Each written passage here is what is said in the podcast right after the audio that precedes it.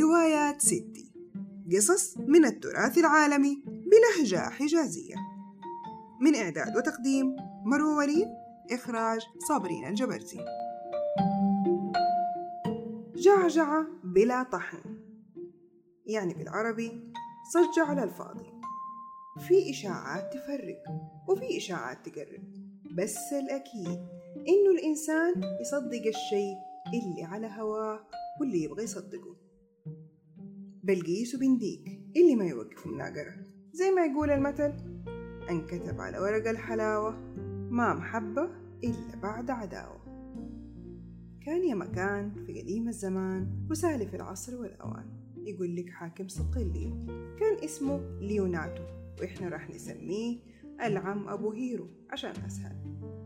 عرف العم أبو هيرو إنه صاحبه الأمير بدرو جاي يأنسه بزيارة.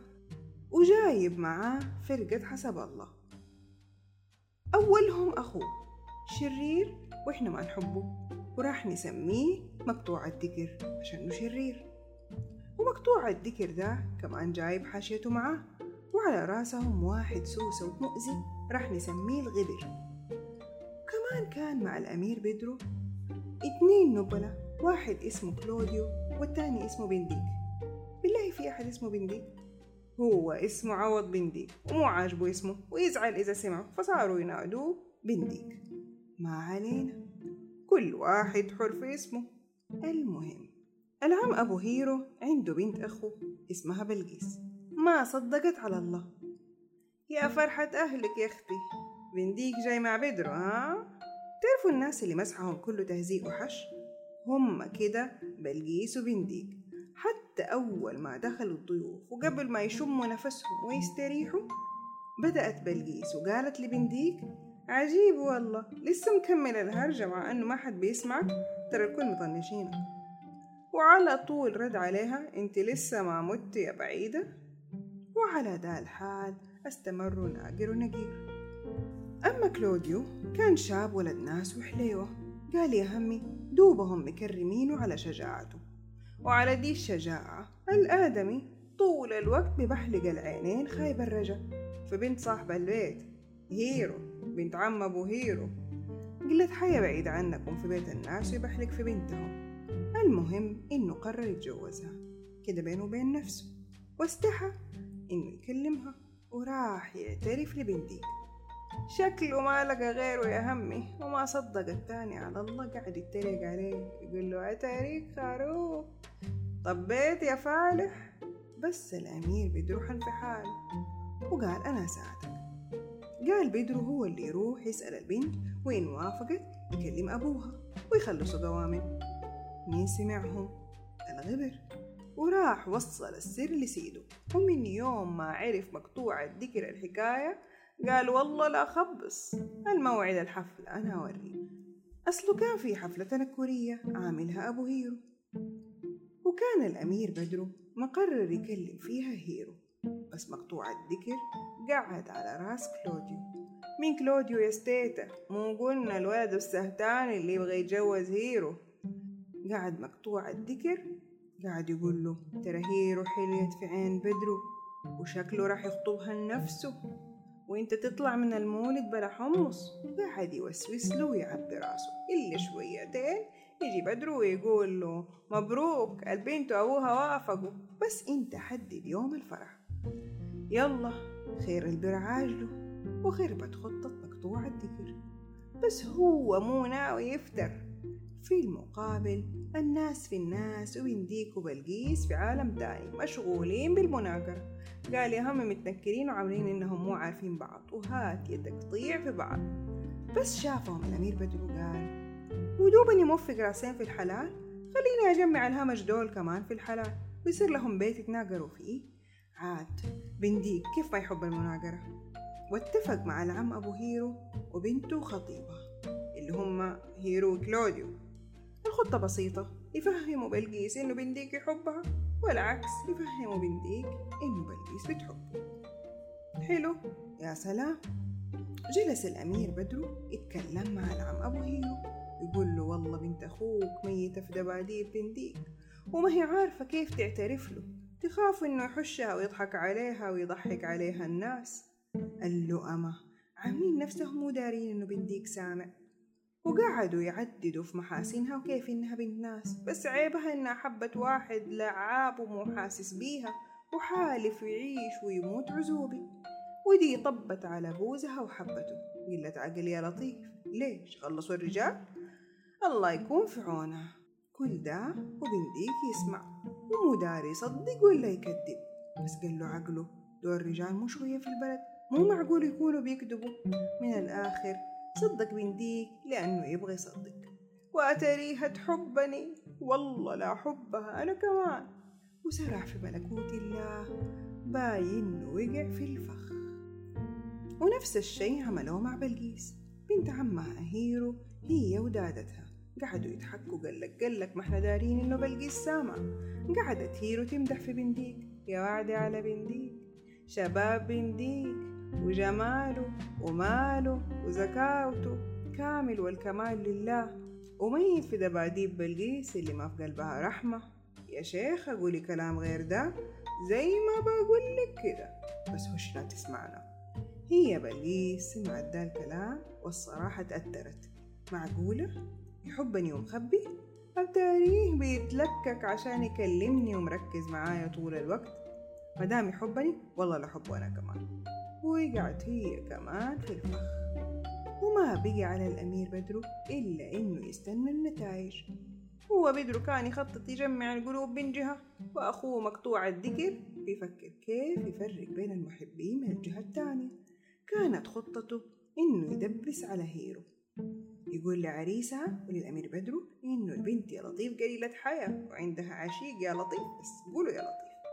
في البداية ما كانوا كلوديو والأمير بدرو مصدقين إلا قال لهم تعالوا أنا أوريكم بعيونكم. وفي ليلة الفرح واحدة غبرة كانت تشتغل عند هيرو كانت على علاقة بالغبر. واتفق معاها إنها تلبس ملابس هيرو وتطل من شباكها هو يستناها تحت الشباك وهي ترسل له بوسات وقلة حياة بعيد عنكم. اللي يشوفها من بعيد يحسب إنها هيرو وهو ده اللي صار. كلوديو شاف المنظر ده والشيطان ركبه. وبدل ما يواجه الآدمية قرر إنه يفضحها قدام الله وخلقه. أما الأمير بدرو كان زعلان على نفسه. كيف دخل نفسه في جوازة زي كده؟ وقال لكلوديو أنا راح أشهد معاك عشان يكفر عن ذنبه يعني. هما كده الرجال يسلكوا البعض آه منهم بس. لو حريم كان كل واحدة قالت مالي شغل ولا إيش دراني. ما علينا. المهم تاني يوم كان الفرح وعازمين أمة الثقلين.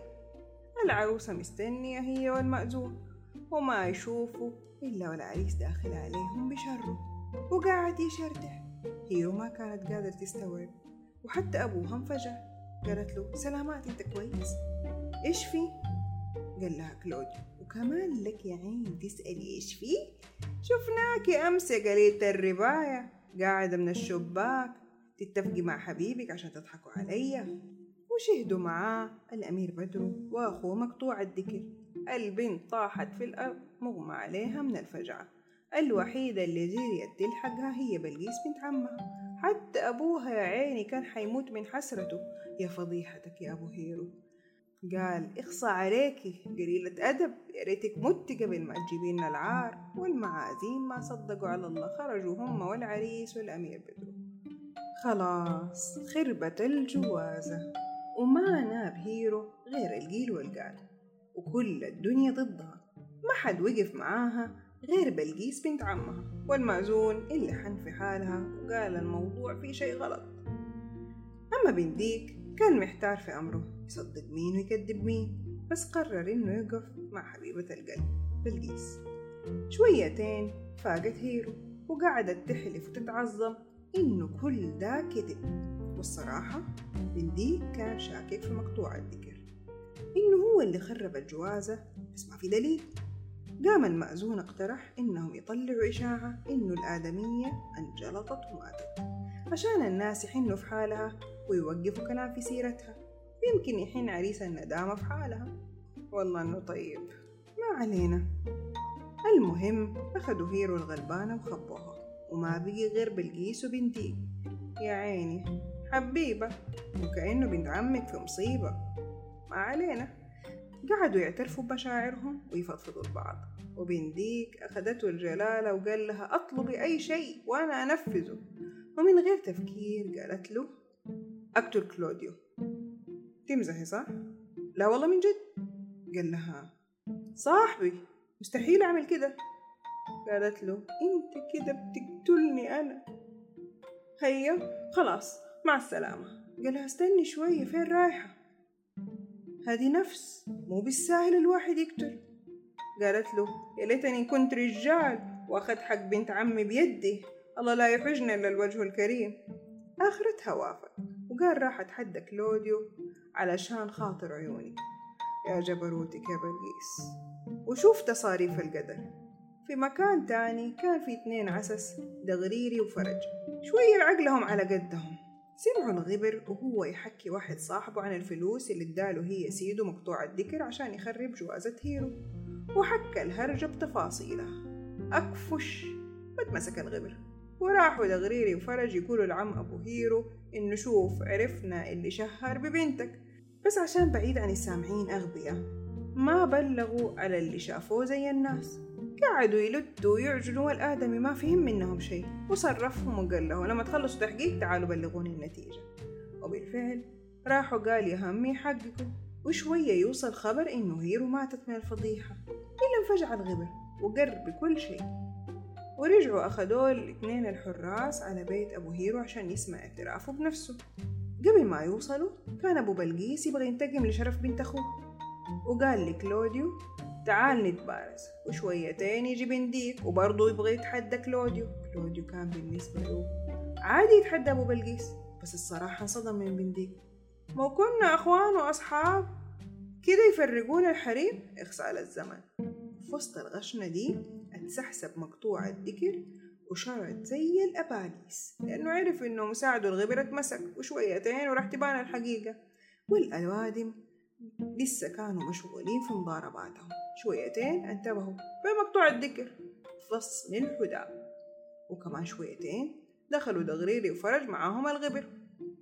سأل أبو هيرو إيش عمل ده الغبر؟ قاموا حكوا له الحكاية واعترف الغبر قدامه إنه هو اللي عمل التمثيلية واللي دفع له مقطوع الذكر. بعد ما حقق أبو هيرو وبانت الحقيقة واندار على عريس الندامة وعلى الأمير بدرو قال لهم بنتي ماتت بسبب قسوتكم يا بعدة حسبي الله ونعم الوكيل. هيا زي ما شوهتوا سمعة بنتي قدام الله وخلقه تكتبوا قصيدة رساء وتمدحوا شرفها. وتقراها برضو قدام الله وخلقه. وافق كلوديو أصلا ما له وجه يرفض. وقال أبو هيرو عندي طلب تاني. بما أنك ما راح تصير صهري عندي بنت أخو شبه بنتي لازم تتجوزها. قال برضو طيب. والله إيش ما كانت إذا دا يرضيكم أنا راح أتجوزها يعني معليش مدام في عريس موجود لازم ما يروح هدر. وقال يلا يكون فرح بنديك وبلقيس مع فرح كلوديو والعروسة الخفية. وهو ده اللي صار. لما وصلت العروسة أتاريها هيرو بلحمها وشحمها وجان مأذون وبدل العقد عمل عقدين وقاموا الأفراح والليالي الملاح. والتفت بنديك للأمير بدرو قال له ترى شكلك كده وحيد. ما تشوف لك عروسة وتتجوز. هيا شوف مين اللي بيتكلم. ماله دقيقتين متجوز وقاعد يفتي. ما علينا. وبس. توتة توتة. خلصت الحدوتة. العبرة من القصة. تبان معادن الناس في زي دي المواقف. جوازة هيرو مو عجباني. متأكدة إنه النهاية الحقيقية للقصة إن الآدمية راح تخلعه. من أولها كده قلة قيمة وفضايح. اللي أعرفه أولاد الناس المتربيين ما يفضحوا عباد الله حتى لو أحد غلط عليهم.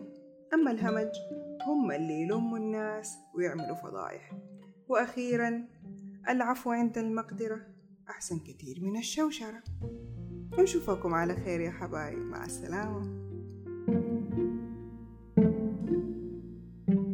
لا تنسوا تتابعوني كل يوم خميس الساعة 8 بتوقيت السعودية. في روايات ستي إعداد وتقديم. مروة ولي إخراج صابرين الجبرتي. ونشوفكم على خير. مع السلامة.